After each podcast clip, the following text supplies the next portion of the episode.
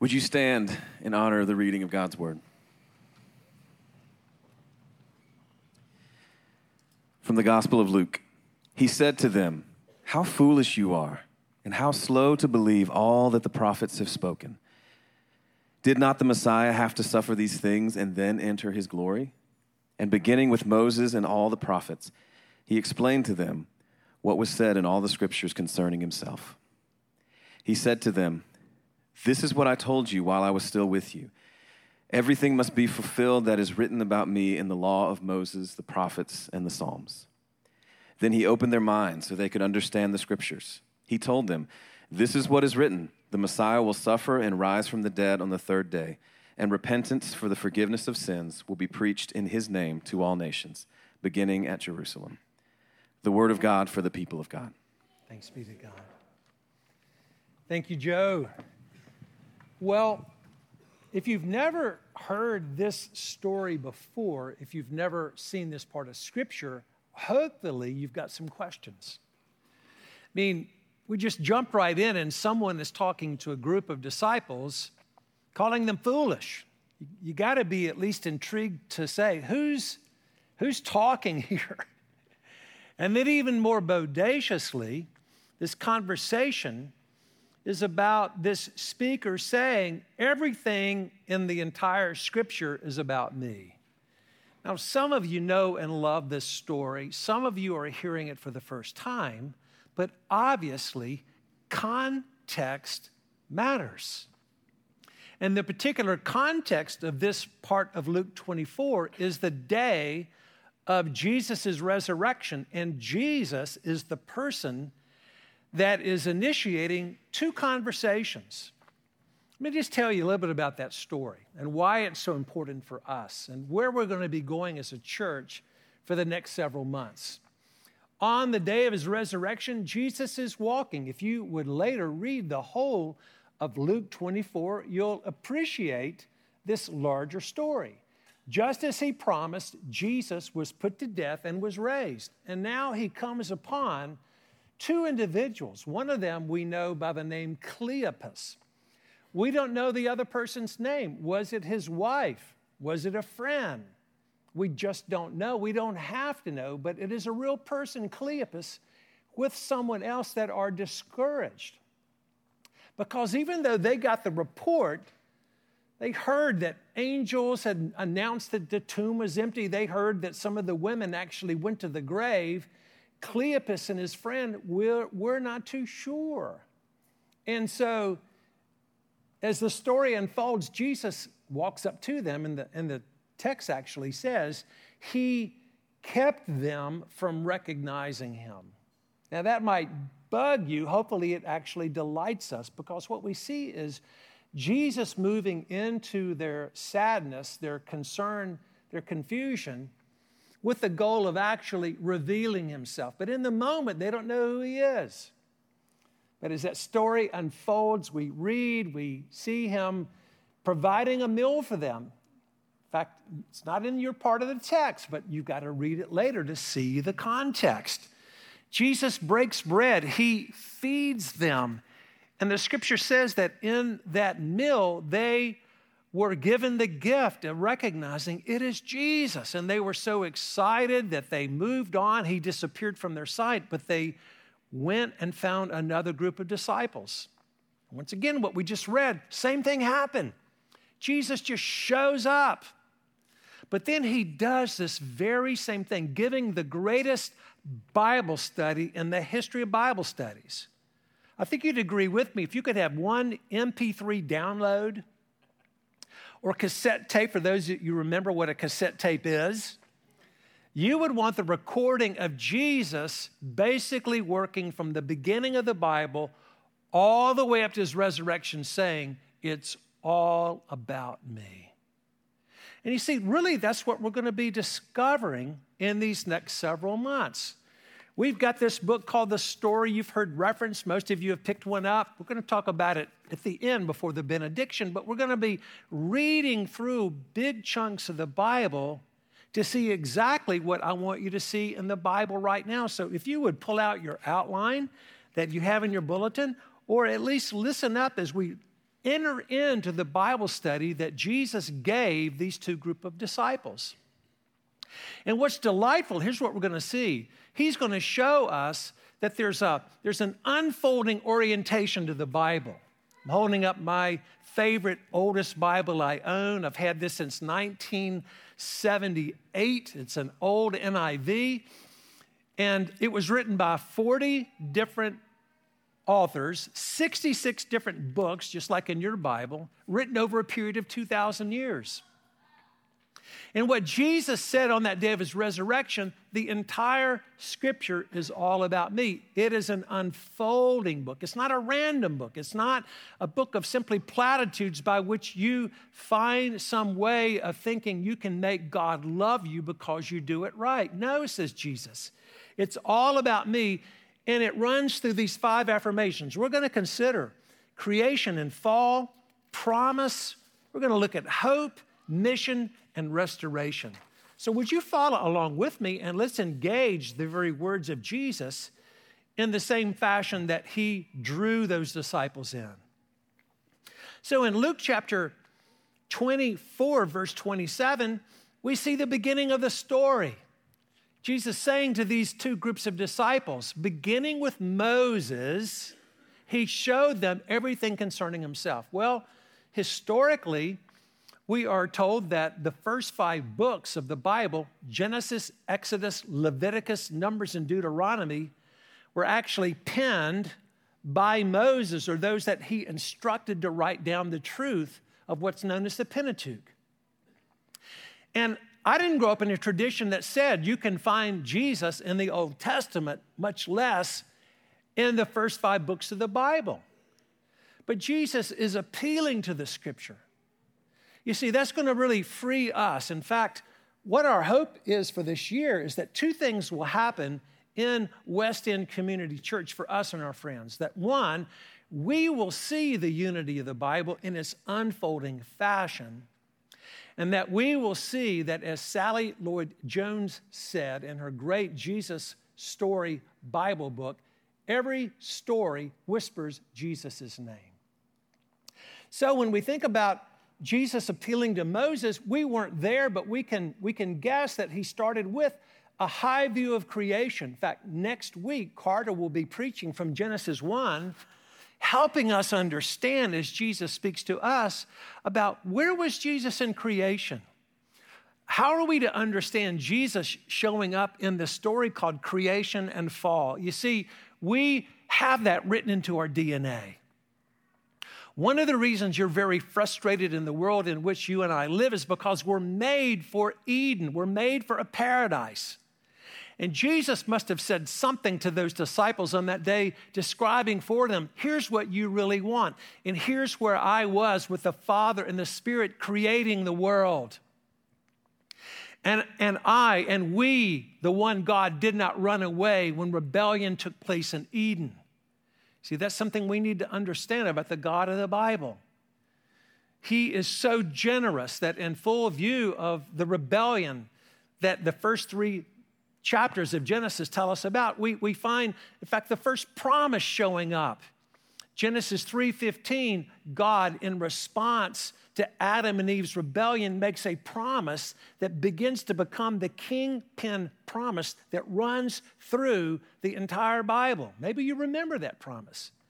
God said to his rebellious son and daughter, I'm not giving up on you. In fact, through your union, there will be one born who I, God, will use to crush the head of evil. That's what theologians call the first gospel promise. And Jesus, could you imagine being with Cleopas and his friend and having Jesus say, That's me? Now, you know, you know what? Think about this for a moment. Jesus could have simply said, Hey, it's me, guys. But why does he take them to the Bible? Why does he still take us to the Bible? Because you see, that is our covenant story. Everybody in this room lives by narration. It's impossible not to find some ultimate narrative by which you do life. It might be the non meaning narrative. But what Jesus does is tremendous in saying to them and to us, let's see everything in the scripture. So, the first aspect of God's story is creation and fall. In fact, would you go ahead and put that narrative painting on the wall? We're going to kind of kind of decorate this morning a little bit with a painting you walk by every time you come in those side doors. Several years ago, the artist David Arms and I sat in a Green Hills Starbucks. I had four little trees on a napkin. I said, David, I want you to create a painting that would tell the unfolding story of God in the Bible from Genesis to Revelation. And you see four trees. I had four stick trees. He did a far better job with them, but it traces the story we're looking at creation, and then fall, and then promise of redemption that focuses on Jesus, and then a final view to restoration, which we'll come to in a minute. And I love the fact that that sky is Carolina blue, something really sweet about that.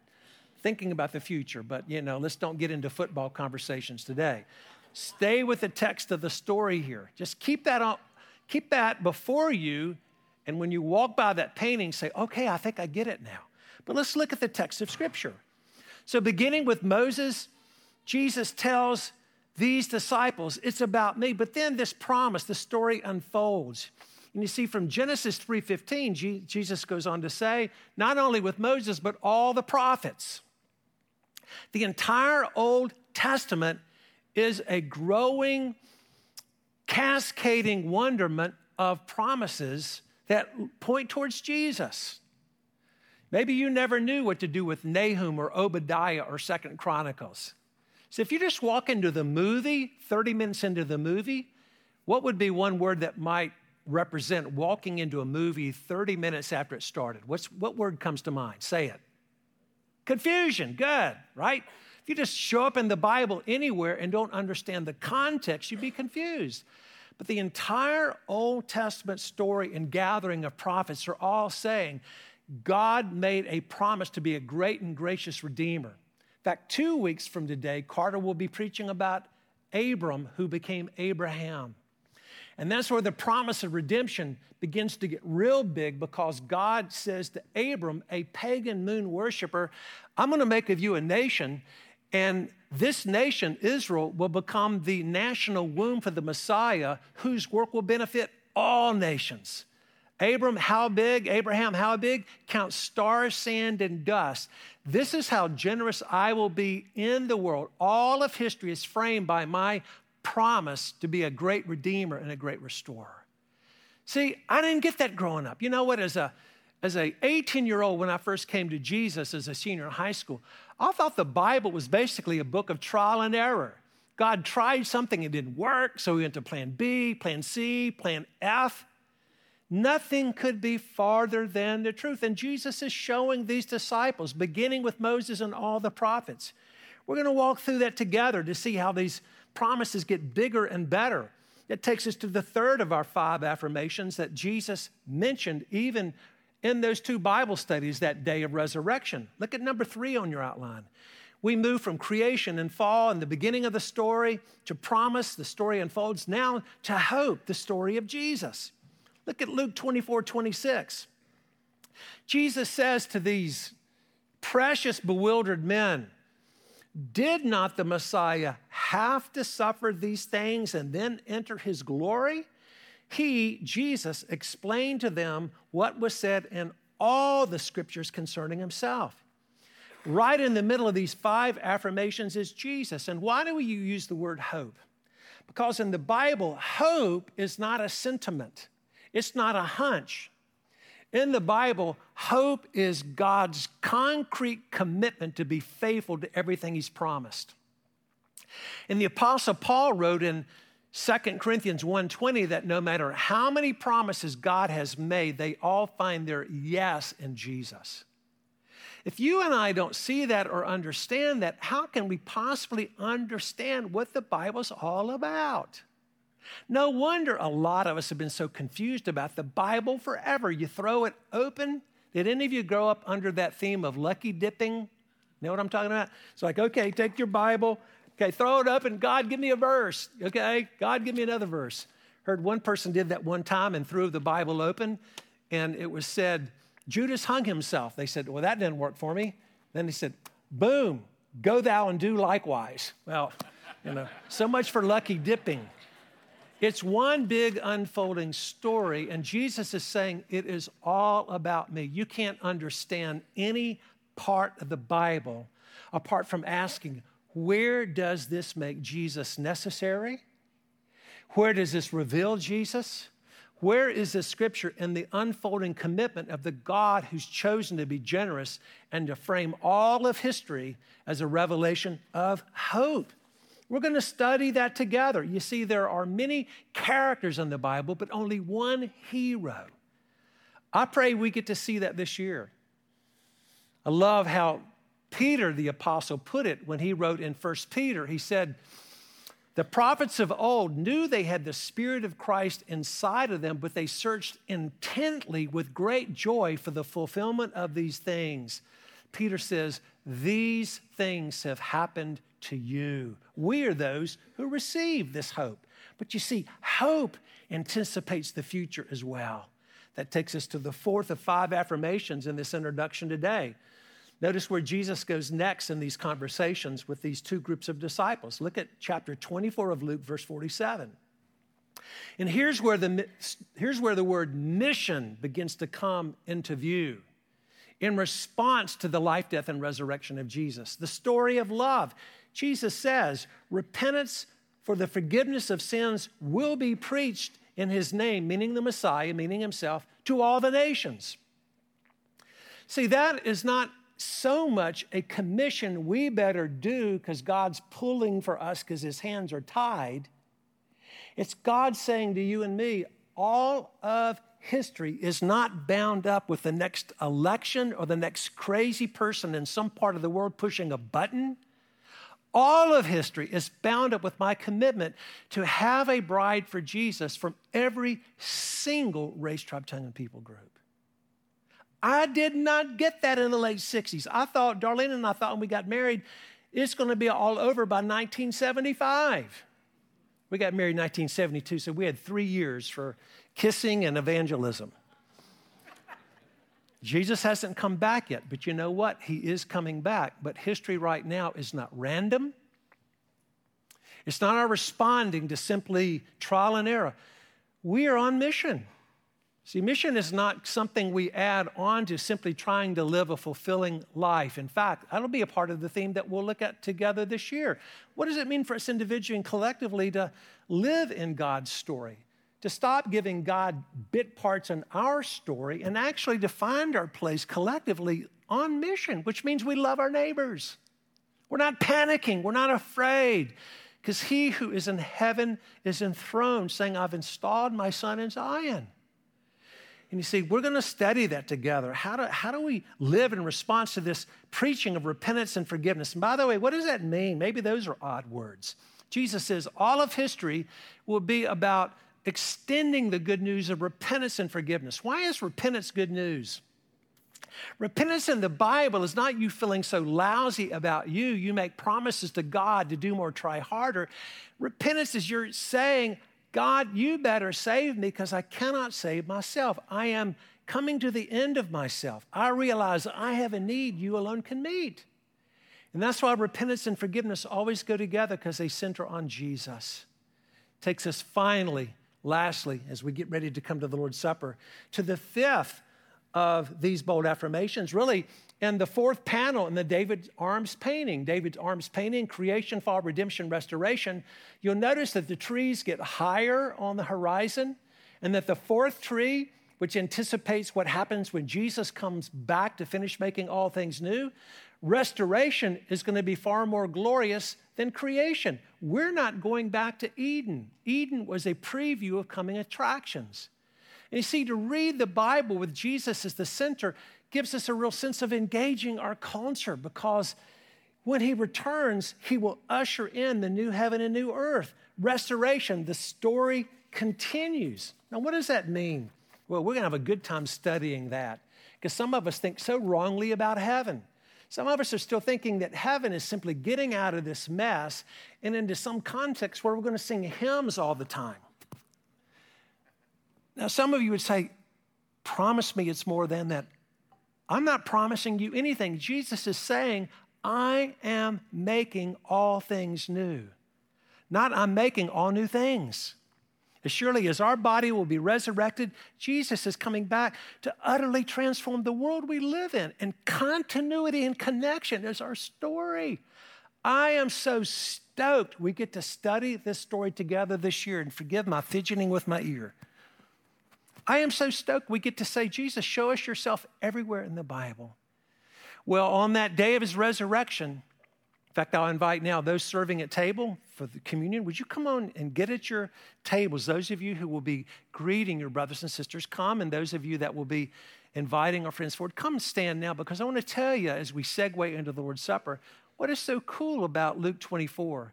So, with Cleopas and his friend, I've referenced this, but the perfect time now to mention where we are in the Lord's Supper this morning. Jesus had a meal with them.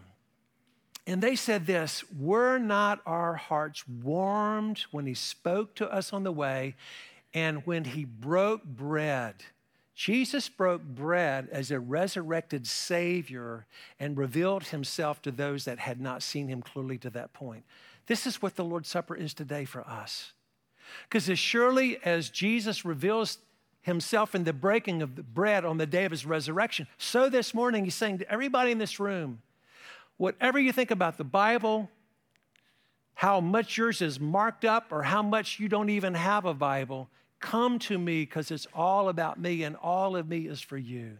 You see, on the night of his actual betrayal, the night of his arrest, Jesus took bread and he broke it.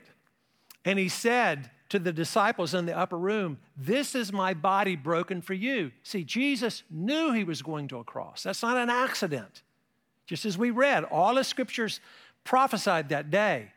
He said, My body's broken for you, which it was on the cross. But then he took the cup and he gave them the cup and he quoted both from Ezekiel and from Jeremiah these words This is my blood of the new covenant, which is shed for you. New covenant is that third panel in the story of the life, death, and resurrection of Jesus, the once and for all sacrifice that reconciles us to God and sets in motion in your life and my life and in this world the restoration for which we long. If you are someone this morning that can basically, honestly, sincerely say this, I do trust that Jesus is my righteousness. I have acknowledged my need of Him. I know I could never, ever, ever earn a relationship with God. And I believe that Jesus is my Savior. Then this meal is for you. If you're not sure you've got that piece about that story yet, then we are, first of all, we're glad you're here, but we ask you not to take the element. This is, a, this is an element for those that have come to that place of gladsome humility and reception of grace. Now, if this is the day that you would believe on Jesus, then by all means, come and let us believe the gospel together. But whoever you are, even if you don't want to commune this morning, you can come up to these tables. We're going to stand up here and, and we're going to feast, remember the story together. And, and just when people reach in to take the element, if you're not communing today, just be present and listen because we want you to taste the smell of grace today. We're so thankful you're here. Let me pray for us now, even as we begin this study together uh, wanting to see the whole Bible is all about Jesus and wanting to see all of Jesus for us. Let me pray.